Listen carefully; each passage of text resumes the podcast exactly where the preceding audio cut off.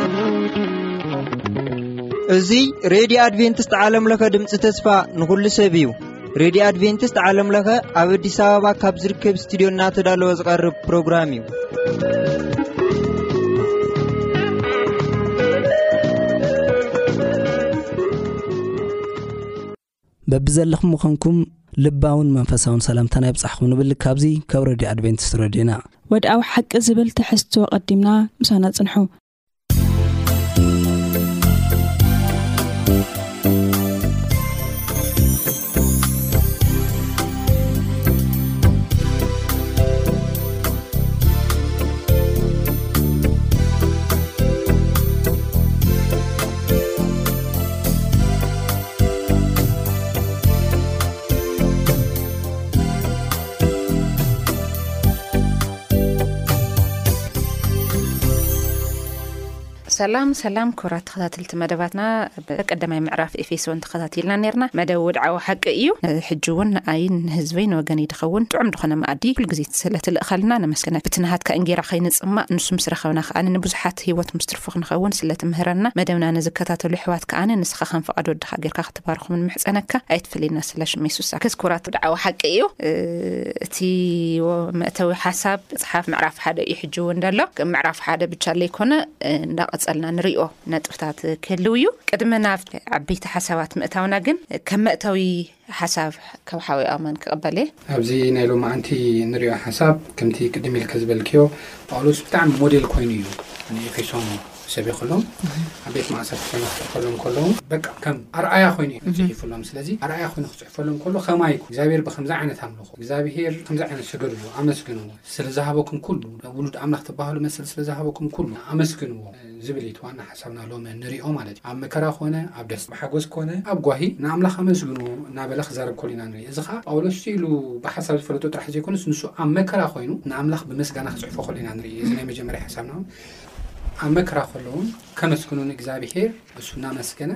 ንኸመስግኑ ኣርኣያ ይኾኖም ከም ዝነበረ ኢና ንርኢ። ስለዚ በቲ ኣርኣያ እዚ ንስኹም እውን ንኣምላኽ ስገድሉ። ኣብቲ ታሪክ መእተዊ ካብ ኣማን ብዝገለጾ መሰረት ንእሽተይ ሓሳብ ከኩምየ እንታይ ይብል ሲ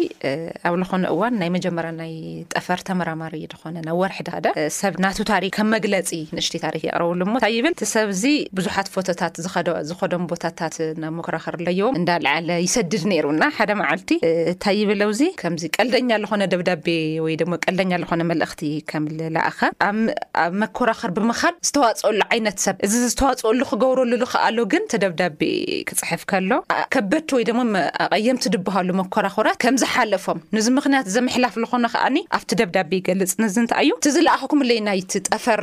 ክመራመር ክትኸይድ ከለኻ ቅድሚያ ትኽደኖ ደንብታት ኣሎ። እቲ ክዳን ንሱ ተዘይ ምተሓባበረኒ ነይሩሲ ይብል። እዞም ኩሎም ትርእይዎም ደለኹም ነገራትስ ኣይምበልኩይ እና ነዚ ክዳን ዝሰርሓ ኣካል ብጣዕሚ የመስግኖ ኢሉ። ደብዳቤ ከም ድለኣኸ ይገልጽ እና እዝስ ከምዚ ሙሻፍ ዓይነት ዘይኮነስ ልኾነ መልእኽቲ ኣለዎ እዩ እቲ ውጽኢት የሱስ ተዘይ ብለኒ ነይሩ ጽቡቕ ኣይምገበርኩን ዓይነት እና እቲ ጽሑፍ እዚ ንብዙሓት ሰባት መበረታትዒ ናይ ምስጋና መበረታትዒ ከም ዝኾነ ነቲ ካምፓኒ ነቲ ዝሰርሓ ኣካል ማለት እና እዚ ጽሑፍ እዚ ተጠቒሙ ከኣኒ ይብል ጳውሎስ ንሰብ ኤፌሶን እግዚኣብሔር ዘፍሰሶ በረፍስ ሰማያዊ ልኾነ በረከት ወይ ደሞ እዚ ናይ ታይ ንበሎ መእተዊ መስታወሲ ደብዳቤ ሓቂ እንዮ ልኾነ ሰብ ጌረሉ ድዩ ዓይነ ገይረሉ ኣሕ እና እግዚኣብሔር ልገበሮ ነገር ክነስታውሶ ለምሳሌ እሱ ልኸፈሎ ዋጋ ለምሳሌ ብዙሓት ክርስትያናት ኣቦታትና ልኸፈልዎ ኢና ንሕና ሕጂ ኮፍ ኢልና ንዛተየሉ ደለና ሓቀይ ዶ ስለዚ ንኦም እንታይ ንህቦም ክሬዲት ንህቦም ሓቀይ ልኾነ በቃ ጥጋና የድልዮም ጳውሎስ ልክዕ ከምዚ እዩ ድብል ደሎ ኣብ ንግግር ኣብቲ ናይ ቀዳማይ ምዕራፍ ቁጽሪ ኣርባዕተ ከይንና ክንሪኢ ከለና ነቲ ዘመናት ምሉእ ልሰርሐ ወይ ደሞ ነቲ ሕጂ ዘለናዮ ምህላውና እንታይ ድበሃል ልገበረ ኣምላኽ ሲ ክነስታውሶ ከም ደለና ከነመስግኖ ከም ደለና ንሕና ዋላ ሓደ ድገበርናዮ ጻዕሪ ገለ ገለ የለን ግን ናብቲ ደንበ ንሱ ብምቕራብ ጥራሕ ንሱ እንታይ ይገብሮ ማለት እዩ ስሙዝሊ ይበ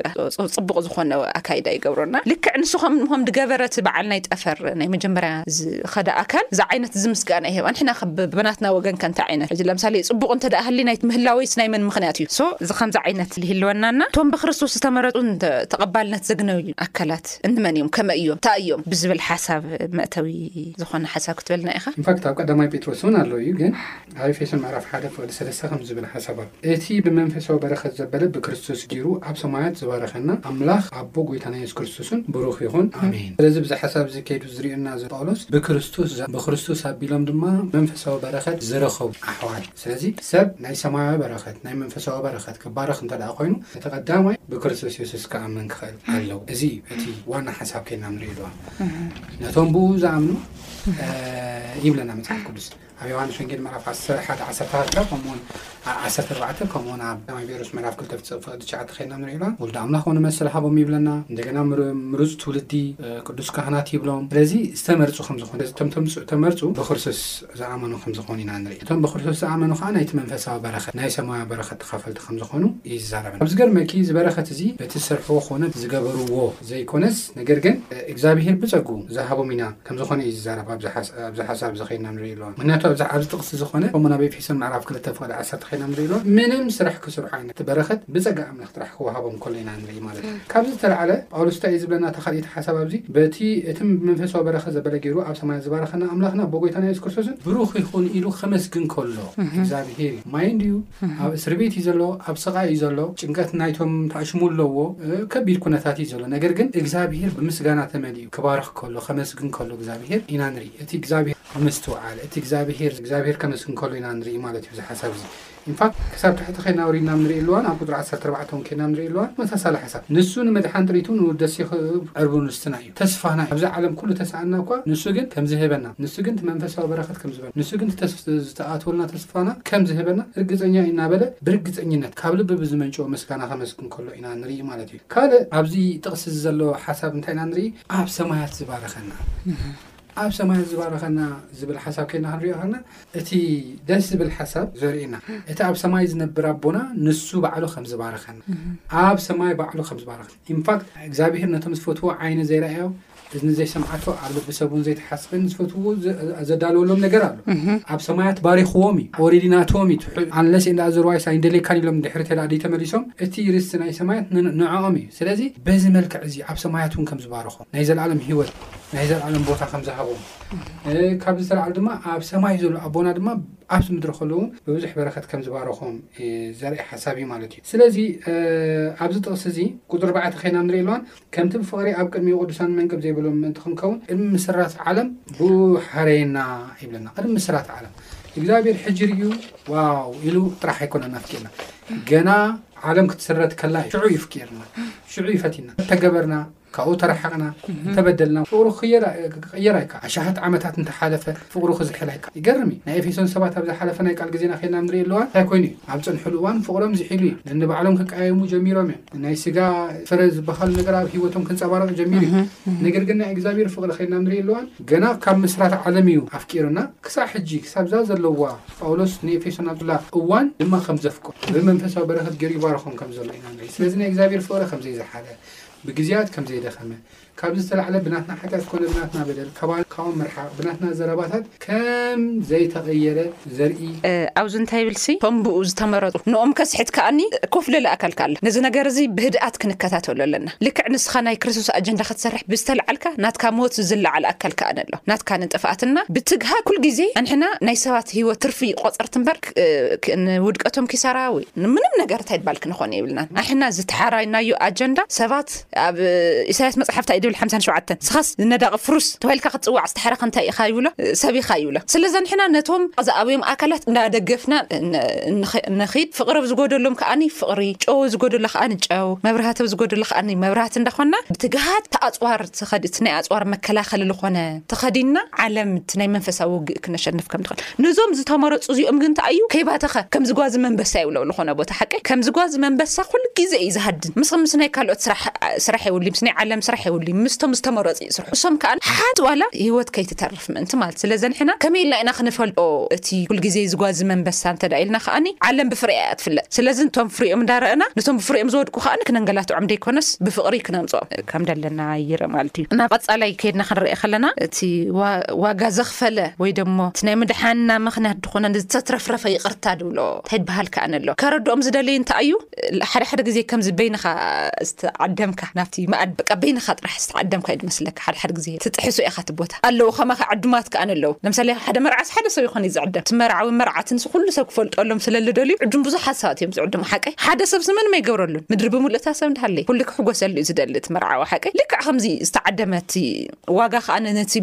ምድሓን ንሱ ዝተትረፍረፈ ወይ ደሞ እቲ ናይ ቅርታ መንገዲ ብዙሓት ሰባት እዩ ወበሩ ዘለዎም እና እቲ ናይ ምድሓን መንገዲ ኣውዚ እንታይ ይብል ሲ ኣብ ምዕራፍ ሓደ ፍቅዲ ሸውዓተ ብእኡ ማለት ብደሙ ድሕንነት ከምቲ ሃብቲ ጸግኡ ድማ ስርየት ሓጢኣት ጸጋታት ረኸብና። ንሱ ነዚ ጸጋ እዚ ብኹሉ ጥበብ ፍልጠትን ኣብ ልዕሌና ኣብዝሖ። ሰናይ ፍቓድ ኮይኑ ኸዓ ነቲ ብክርስቶስ ገይሩ ኣቐዲሙ ዝወሰኖ ናይ ፍቓዱ ምስጢር ኣፍለጠና። እንታይ ኣፍለጠና? ናይ ፍቓዱ ምስጢር ኣፍለጠና። እዚ ኸዓ እቲ ምልኣት ዘመናት ምስ በጽሐ ኩሉ ኣብ ሰማይ ኮነ ኣብ ምድሪ ዘሎ ኣብ ትሕቲ ስልጣን ክርስቶስ ምእንቲ ክጥቕለል እዩ። ሰለዚ ኣሕና ፈሊጥናዮ ደለናስ ወይ ናይ ካልኦት ምስጢራት ወይ ናይ ገለታት ኣይኮነን። ኣብ ምድሪ እንከለና ከመይ ናይታ መንግስቲ ኣምላኽ ወረስቲ ከም ንኸውን ቁልፊ ኣፍን ኣፍደገን ስለ ልፈልጥና ኣንሕና እንታይ ኢና ከምዚ ሓደ ዘማሪ ዓለምሲ በቃ ዓለም ልም ኣቢላ ጸብቕ ኣቢላ እንተምጸትልስ ውሽጣስ መርዚ ምዃናስ ፈልጣ እየ ኢልዎ እዚ ናይ ክርስቶስ ሕብረት ከኣ ከምዘይ ምቹው ጌሩ እዩ ዝገልጸልና ጸላኢ እንታይ ተትርፍ እንታይ ኣለካ ግን ኣንሕና መጨረሻስ እንታይ ኢና ኣዚ ግን የለን ዓ ዓለም ለቕርበሉ ደሎ እቲ ሰይጣን ለቕርበሉ ደሎ ተመኡ ደለዉ ኣካላት ከኣ ከምዚ ሕጂ ንርእዮ ደለና ኣብ ቤተክርስትያን ዝግበሩ ኣገልግሎታት ሓደ ይኸፍኦ፣ ሓደ ይሓዝን፣ ሓደ ይሕጎስ፣ ግን ኩሎም ብክርስቶስ ክሕጎሱ ከም ዘለዎም፣ ኩሎም ሓደ ከይቀረየ፣ እቲ ዝተኸፈለ ቤዛነትሲ በቃ ዝተትረፍረፈ ይቅርታ ክህልዎ ክኽእል ኣለዎ፣ ኩሎም ናብ ሓደ ታይ በሃል እዮም ልጽንበሩ፣ እቲ ሓደ ነቲ ሓደ፣ እቲ ሓደ ነቲ ሓደ ጥራሕ ኣይኾነይ፣ እቲ ናይ ይቅሬታ ወይ እቲ ናይ። ዝተትረፈረፈ ናይ ግሪክ ቃል እቲ ዝተኸፈለ፣ እቲ ዝተትረፍረፈ ናይ ይቅርታ ዋጋ። ሕጂ ከምቲ ቅድም ኢልኪ ዝበልክዮ ኣብ ኤፌሶን ምዕራፍ። ሓደ ፍቅዲ ሸውዓተ ዘሎ ሓሳብ ብጣዕሚ ዓሚቅ ዝኮነ ሓሳብ ኢኪ ኣልዒልክና ብኡ ብደሙ ምድሓን ማለት ከምቲ ኣብቲ ጸግኡ ሕድገት ሓጢኣት በልና እዚ ማለት እንታይ ማለት እዩ እዚ ምድሓን ዝብል ዘሎ ቃል ምብጃው ዝብል ትርጉም እዩ ዘለዎ ብእንግሊሽ ሪደምሽን ዝብል ቃል እዩ ዘለዎ እሞ ሪደምሽን ማለት ድማ እንታይ እዩ ካብቲ ዝነበረካ ኣሰራት ካብቲ ዝነበረካ ባርነት ነፃ ናይ ምግባር ባርያ ኢካ ነርካ ብሓጢኣትካ ባርያ ሓጢኣት ነርካ ናይ ገዛእ ፍቃድካ ክትገብር ዘይትኽእል ናይ ገዛእ ፍቓድካ ክትሰርሕ ዘይትኽእል፣ ክትሓስብ ዘይትኽእል፣ ናይ ገዛእ ፍቓድካ ክትዛረበሉ ዘይትኽእል ኩነታት ኢኻ ኔርካ ብሓጢኣት ምኽንያት። ነገር ግን ክርስቶስ እንደገና ብፍጥረት እኳ ናቱ ተኾና ብሓጢኣትና ዝኣተናዮ ዓዘቕቲ ንኸውጽኣና ኢሉ እንደገና ዋጋ ከፊሉ ነጻ ከም ዘውጽኣና ብምርጫ ነጻ ከም ዝገበረና እዩ። መጽሓፍ ቅዱስ ዝዛረበና ማለት እዩ ሕጂ ብክርስቶስ ነፃ ኢና ክንመርፅ ንኽእል ኢና ስለዚ እዚ ነፃነት እዚ ካብኡ ንምርሓቕ ዘይኮነ ንሕና ንዑ ምኽታል ክንጥቀመሉ ክንክእል ኣለና ዝብል እዩ ጳውሎስ ንታእሽ ምዛረብ እዚ ነፃ ዝብል ዘሎ ካብ ሓጢኣትና ኩሉ ይቐረልና እዩ ካብ ሓጢኣትና ኩሉ ምሒርና እግዚኣብሔር ሕጂ ንዓና ክበለና ከሎ ከም ሓጢኣተኛታት ዘይኮን ከም ውሉድ ኣምላኽ ገይሩ እዩ ብክርስቶስ እዩ ዝርእየና ስለዚ እዚ ተረዲእና ንሕና ንኣምላኽ ክንስዕብ ከም ዘለና ዘርኢ ሓሳብ ኮይኑ ክነሱ ናብቲ ዝቕፅል ሓሳብ ሓሊፈ ኣብ ዝርእየሉ እዋን ድማ እንታይ ይብል ቁፅሪ ትሽዓተን ዓሰርተን እንፋት ካብ ቁፅሪ ሸሞንተ ክሳብ ዓሰርተ ብቲ ናይ ትግርኛና መፅሓፍ ቅዱስ ብሓደ ተተሓሒዝ ስለ ዘሎ ክንብቦ ከምቲ ብኡ ዝመደቦ ስምረቱ ነቲ ምስጢር ፍቓዱ እናፈለጥና ነቲ ናይ ምልኣት ዘመን መጋቢነቱ ኣብ ሰማይ ዘሎን ኣብ ምድሪ ዘሎን ኣብ ክርስቶስ ምንጠቕ ጠቕለልሲ ብኹሉ ጥበብን ብኹሉ ኣእምሮን ነዚ ኣብ ፀግኡ ኣውሓዞ ኣብዛ ቃል እዚኣ ሓንቲ ቃል ኣላ ንሳ ድማ ነዚ ነቲ ናይ ምልኣት ዘመን መጋቢነቱ ዘመን ምልኣት ዘመን ምልኣት ዝብል ሓሳብ ኣሎ። ዘመን ምልኣት እንታይ ማለት እቲ ዘመን ምስ መል እቲ ዘመን እቲ ግዜ ምስ በፅሐ እግዚኣብሄር እዚ ስራሕ እዚ ከም ዝሰርሖ ኢና ንርኢ። እግዚኣብሄር ናይ ግዜ ኣምላኽ እዩ፣ ብግዜ ድማ ኩሉ ነገር ዘከናውን ኣምላኽ እዩ። ስለዚ እግዚኣብሄር ብናይ ምልኣት ዘመኑ ሰለስተ ነገራት ከም ዝገበረ ኢና ንርኢ። ሓደ እቲ ምስጢር ፍቓዱ ከም ዘፍለጠና፣ እቲ ካልኣይ እቲ ዕላምኡ ከም ዘፍለጠና፣ ሳልሳይ ድማ እንታይ ናይ መጨረሻ ዕላምኡ ከ ዝብል ከም ዘፍለጠና ኢና ንርኢ። ደጊመ ከንብባ ይደሊ። ከምቲ ብኡ ዝመደቦ ስምረቱ ነቲ ምስጢር ፍቓዱ ኣፍለጠና፣ ሓደ። ነቲ ናይ ምልኣት ዘመን መጋቢነቱ ኣብ ሰማይ ዘሎን ኣብ ምድሪ ዘሎን ኣብ ክርስቶስ ምእንቲ ክጥቕለል። እቲ ፋይናል ፕላኑ ከኣ ብምሉኡ ኣብ ሰማይ ዘሎን ኣብ ምድሪ ዘሎን ብእኡ ዝኣምኑን ንእኡ ዝፈርሑን ሕጉ ዝቕበሉን ከም ፍቓዱ ዝመላለሱን ሓደ ናይ ምግባር ከም ዝኾነ እቲ ፕላን፣ ትልሚ፣ እግዚኣብሄር ብኹሉ ጥበብን ብኹሉ ኣእምሮን ነጸግዮ ኣባና ኣውሓዞ። ይብለን ስለዚ እቲ ዕላማ ኣምላኽ እውን ክዛረብ ከሎ ኢና ንርኢ ኣብዚ ሓሳብ እዚ ስለዚ ጳውሎስ ሕብረት ኣይትፈላለዩ እዩ ዘሎ ከምቲ ብዝሓለፈ ዝገለፅናዮ ሕጂ እውን ንገልፆ ሓሳብ ከም ዝኾነ እዩ ዝዛረበና ማለት እዩ ፅቡቅ ኣብ ሓንቲ እንታይ ትብል ሲ ምብጃው ሲ ሸቐጥ ምሽቃጥ ሸቐጥ ዘይኮነ ሸቂጡስ ከምዚ ብዋጋስ ክገዘአና ይኽእል ነይሩ እዩ ግን እንታይ ገይሩ ከምዚ ሓደ ቀደም ዝግበር ነበረ ብሰብ ዓይኒ ክሕሰብ ዘይክእል ዓይነት ተሰራርሓ ገይሩ እዩ ከፊልዎ እቲ ነገር ስለዚ እዚስ ኣይትረስዕዎ ዓይነት ማለት እዩ። እዚ ከኣኒ ንሓደ ጥራሕ ኣይኮነን ንሕድሕድ ነፍሲ ወከፍ እዩ ተኸፊሉ። እዚ ብዝኸውን እዚ ምስጢር ንኣኹም ኣብ ዘፍሊጥኩም እዩ። ንስኻትኩም ከምዚ ነይርኩም ሕጂ ከኣ በዚ ክርስቶስ ሓራ ወጺኹም ናይ ምድሪ ባርያ ካብ ትኾኑ ከኣ ናይ ሰማይ እንታይ ኩኑ ይብል ኣብዚ ዓበይቲ ዜጋ ናይ ምድሪ ባርያታት ካብ ትኾኑሲ ናይ ሰማይ ዜጋታት ተትኾኑ ይሓይሽ። ባርያ እኮ ኣይኮነ ኢልዎ ናብ ሰማይ ዜጋ ባርያ ለሽ ሽም የተጠቐሞሊ ግን እኮ በቃ ስሉስ ይሃበናይ እና ካብኡ ዓይነት ወጺና ወን ካሊእ ሽም ከም ዝተውሃበና ምስጢር እቲ ንዝመጽእ ዘመናት ከኣኒ ንሕድሕዱ ነገር ገሊጽዎ እቲ ዝገለጾ ከኣ እንታይ እዩ ዘፍለጦ ከምቲ ዘንበብካዮ እዩ ንሕና ኣቐዲምና ብክርስቶስ ተስፋ ዝገበርና ናይ ክብሩ ምስጋና ምእንቲ ክንኸውን እቲ ብፍቓዱ ንኹሉ ነገራት ከም ምኽሩ ዝገብር እግዚኣብሔር ወረስቲ ክንከውን ብወዱ ሓረየን እና ከም ዝተሓረና እዚ ተሓራናዮ ኣጀንዳ ከኣኒ ኣሕና ካብ ተረፍና እቲ ሕይወት ምስ ትርፉ ድኾነ ኣካል ንዓለም ክነበስር ክንነግር ተላኢኽካ ናብ ልኾነ ኣካል ከድካ ከተፈጽምሲ ከይፈጸምካ እንተ ኢኻስ ታይ ትገብር ትጥይቅ ኢኻ ንሕና ለውን ተጠየቅቲ ኢና ምኽናቱ እቲ ዝፈሰሰ ደም ኣብ ለይኩም ክውዕል የብሉን ኣብ ሕድሕድ ነፍሲ ወከፍ ክንገር ኣለዎ ሽዑ ከመይ ኢለ ከምዝመጽእ ናይ መንፈስ ቅዱስ ስራሕ እዩ ናተባህለ ጳውሎስ ይዛረብ ነይሩ እና ሐና ዕዮና እቲ ዝነገረና ዝገለጸልና ሚስጥር ንኣኻትኩም ከምዝጠቀመ ንስኻትም ኩን ንኻልኦት ኣካላት ስለዚ እዚ ነገር እዚ ዝኸውን ግን ትሕት ብትብሉ እዩ ገርህታት ብትኾኑ እዩ ብትፋተው እዩ ይብለና እዚ ነገር እዚ ክፍጸም ዝኽእል ለምሳሌ ድሕሪኡ ኻዓ እንታይ ንኸውን ይብል ክብሩ ንውዳሴኡ እንዳነገርና ንነብር ዓለም ኮለ ንገር የብላይ ሓቀይ ኣብዛ ረሳሕ ዝኾነት ዓለም ግን ክብሩ ንኾነ ንውዳሴኡ እንዳነገርና ንነብር ከመይ ኢልካ እዩ ግን ድኸውን ጳውሎስ ኣብ እስርቤት ዘሚሩ ኤፌሶን ሓሶት ትምህርቲ ነጺጎሞ ብዙሓት ተሰበኮሎም ወንጌላት ንርኢ ኢና እና ከምዚ እንዳገበርና ንነብሮ ናይ መጨረሻ ረውዕን ሓሙስን ተወሳኺ ሓሳብ እንተሃሊካ ንሽ ስለና ከዓ ክዎ ተወሳኺ ሓሳብ ተሃሊካ ትበልና ትኽእል ኤፌሶን ምዕራፍ ሓደ ፎዲ ብጣዕሚ ዝገርመኒ ማለት ንሕና ቀደም ብክርስቶስ ተስፋ ዝገበርና ንውዳሴ ክብሩ ምእንቲ ክንከውን ንሕና በቲ ኩሉ ምክሪ ፍቓዱ ብሓሳብ ዝግበር ቀደም እተመደብና ነቲ ዕድል ርስቱ ብኡ ረኺብና ኢና። እዚ ብጣዕሚ ዝገርም ሓሳብ ንሕና ቀደም ብክርስቶስ ተስፋ ጌርና ኔርና እዩ ናይ ተስፋ ምቑራጽ ቃል እዩ ዝመ ክርስቶስ መጺኡ ከም ዘድሕነና ከም ዝዕቤና ህይወት ከም ዝበና ኢና ተስፋ ጌርና ኔርና ኢሉስ ናይ ተስፋ ምቑራጽ ዝመስል ቃል እኳ ተመሰለ ድሓር ግን ብም ንውዳሴ ክብሩ ድማ ምእንቲ ክንከውን ኢና ተሓሪና ንዑ ክንውድሶ ስለ ዝገበረልና ስለ ዝሃበና ህይወት ክንውድሶ ከነመስግኖ ኢና ተሓሪና ብጣዕሚ ዝገርም ማለት ንውዳሴ ክብሩ ንክብሩ ከነዕቢ ንክብሩ ክንውድስ ንክብሩ ክንነግር ክብሪ እግዚኣብሄር ክንነግር እተመደብና ሰባት ዳትሲት ሰብ እዚ ክፈልጦ ክኽእል ኣሎ ናብራ ልዕል ተበለ እንተተሓት ኣብ እስረ ቤት ተሃለና ኣብ ገዛ ተሃለና ኣብ ደገ ተሃለና ኣብ ውሽጢ ተሃለና ንዑ ክንውድስ ንዑ ከነኽብር ዝተሓርና ሰባት ክንከውን ከም ዘለና እዩ ይዛረበና ምናልባት ኣብዚ ናብቲ ናይ መወዳእታ ሓሳብ ቅድሚ ምሕላፈይ ሻሌም ቅድሚ ምሃብካ ሓሳብኪ ከመሓላልፎ ዘለኒ መልእኽቲ ኣሎ ኣብ ዝተፈላለዩ ከባቢታት ሎሚ ሰማዕትና ኣብ መከራ ኣብ ሽግር ዝበልዕዎን ዝሰትዮዎን ሲኢኖም መፅለሊ ሲኢኖም ክህልዎ ክእሉ እዮም ግን መፅሓፍ ቅዱስ እንታይ እዩ ዝብለና እተሓሬኻ ሰብ ኢኻ እተመረፅካ ሰብ ኢኻ ንውዳሴ ክብሩ ንኸተወድሶ ዝተመረፅካ ሰብ ኢኻ ስለዚ ንእግዚኣብሔር ኣወድስ እግዚኣብሔር ቀረባ እዩ እግዚኣብሔር ክረድኣካን እንደገና ድማ እግዚኣብሔር ክባርኸካን እዩ እዚ እዩ እቲ ዓቢ ተስፋና። ጳውሎስ ማንም ረዳኢ ኣይነበሮን፣ ኣብ እስርቤት እዩ ነይሩ በይኑ። ግን እቲ ወንጌል ብደንቢ ዝተረድኤ እዩ፣ ኣብዛ ዓለም እዚኣ ህይወት ኣይተጠፍኤ፣ ነገር ግን ሓድሽ ህይወት፣ ንማንም ዘይወሃብ፣ ነቶም ብእኡ ዝኣምኑ ጥራሕ ዝወሃብ ህይወት ስለ ዘዳለወለይ፣ ዓስቢ ስለ ዘዳለወለይ እግዚኣብሄር የመስግኖ ኢሉ ከመስግን ከሎ ኢና ንርኢ። ስለዚ ንሕና ድማ እቲ ዓስብና፣ ኣብ ሰማይ ዝወሃብ ዓስብና፣ እቲ ናይ ክርስቶስ መስቀል ቀራንዮ ዝፈሰሰ ደም፣ እናረኣና ንዑ ክነመስግኖ ይግባእ። ንዑ ኣብ ነመስግነሉ እዋን እግዚኣብሔር እውን ቀረባ እዩ። ንሽግራታትና መፍትሒ፣ ንመከራታት ከሳግር ሓይሊ ክህበና ይኽእል እዩ ክብል ይኽእል። ንሕድሕድ ዝስገር መዓልቲ ታይ ዝኾነ ግዜ ኣማርኛ መደብ እዩ እንዳተመሓላለፈ ኣብርሃም ሲ በዚ ወዱ ሒዙ ክስውእ ክኸይድ ከሎስ እግዚኣብሔር ለስ በዚ በጊዕ ሒዙ እዩ ይወጽእ ነይሩ ዛት እዚ ማንም ሰብ ኣየስተውዕሎን ምስ ናይ እግዚኣብሔር ህልውና ክትህልው ከለኻ ግን ኣብርሃም እግዚኣብሔር ከም ለይጭክነሉ ይፈልጥ ነይሩ ኣንሕና ለዕርውን ተዋሂቡና ኣሎ ሓቀይ እንሰርሐሉ መ ሂብናስ ገዲፍካ ንሳ ዕርውን ለይተዋሃበላ ከድካ ንብረት ሙሉኡ ከፍስሰላ እየ እልካ ተትኸፍል ትኸስር ኢኻ ደለኻ ሓቀይ ዶ ኣፍትለ ከፊልካ ኢኻ ስለዚ ናይ መጀመርያ ዝተዋሃበኩም ማሕተም ታየትግበርዎ ኣይተላግጹ ከምድላይኩምስ ኣይትኾኑ ኣብ ቅድሚ እግዚኣብሔር ሓቀይ ዩ ቅድሚ ኣዴኻ ከተማ ምግቢ ከምጽኡ ልኢኽዎ ደሓርስ ሞጺስ ምግቢ ብላዕ ክብሎ ዝበለጸ ድኾነ ረኺበ ኢልዎ ኣንሕና ከኣ እዚ ወድን እዝን ክነሳልጥ ከለና ዝበለጸ ምግቢ በቃ እንዶም ኣይጠምዮምን ነይሩ ብዙሕኮ ብስግኡ እኮ ይጉዳእ ነይሩ ጳውሎስ ሓቀይ ግን በቃ ተድባሃሉ ይቆጽሮም ከም ጸጋ you know ምክንያቱ እሱ ስርሑስ ብደንብ ዝተረድኦ ይመስለኒ ጳውሎስ እሱ ከይሰርሐ ክቀሪ ከሎ ግን መንፈስ ቅዱስ ከም ዝሕዝን ይርድኦ ነይሩ ንእሽተይ ናይ መወዳእታ ሓሳብ እንተሃሊካ እታ ዝገለጽክያ ጽሑፍ ጌርኪ ኢኺ ገሊጽክያ ኣብ ኤፌሶን ምዕራፍ ዓሰርተ ሰለስተ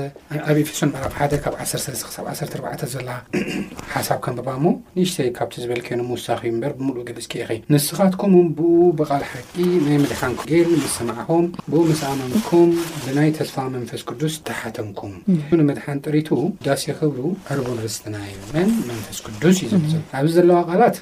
ንስኻትኩም ብኡ ብኹሉ ቃል ሓቂ ናይ ምድሓንኩም ወንጌል ምስ ሰማዕኹም ብኡውን ምስ ኣምኩም ኩጌል ሰሚዕኹም ብየሱስ ምስ ኣምኩም ብናይ ተስፋ መንፈስ ቅዱስ ተሓተሙ። ማሕተም ንምንታይ እዩ ዘገልግል? ማሕተም ሌጋላይዝ ምዃኑ፣ ሕጋዊ ምዃኑ፣ በቃ እስኻ ድሒንካ ኣለኻ ናይ መበሊ እዩ። ንስኻ ዲሒንካ ኣለኻ ወይ ድማ እዚ ማሕተም ተሃልዎ በቃ ዝኾነ ድርጅት በቃ እዚ ኣጽዲቕዎ ሕጋዊ ስለዚ ሌጋሊ ብክርስቶስ ምስ ኣመንኩም ንስኻትኩም እንታይ ኮይንኩም ኢኹም ሌጋላይ በቃ ሕጋዊ ብዝኾነ መንገዲ እንታይ ኮይንኩም ኢኹም ዲሒንኩም ብመን ኢኹም ከዓ ተሓቲምኩም ብመንፈስ ቅዱስ እቲ ሌጋላይዝ ዝኾነ ዝገብረኩም ሌጋሊ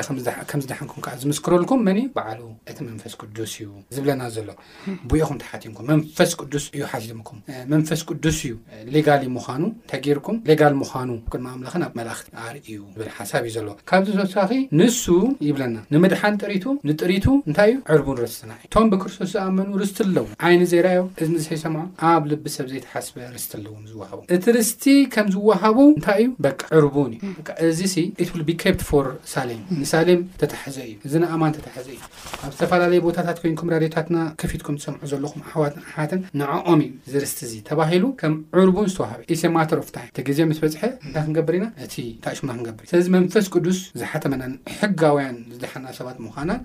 ከምኡውን መንፈስ ቅዱስ ኣባና ምሕዳሩን ምምርሑን ርስትና ብርግጽ ከም ነቕብ ርስትና ከም ተዳልወልና ዘጠራጥር ከም ዘይኮነ እግዚኣብሂር ጽባሕ ድሕሪ ጽባሕ ኣይፈልጥን እየ በቃ ዝፈልጦ ነገር የብለይን who cares ኣይግድሰንን እዩ ከም ዘይብል ዘርእየና ምስክር ከም ዝኾነ እዩ ዘርእየና እሞ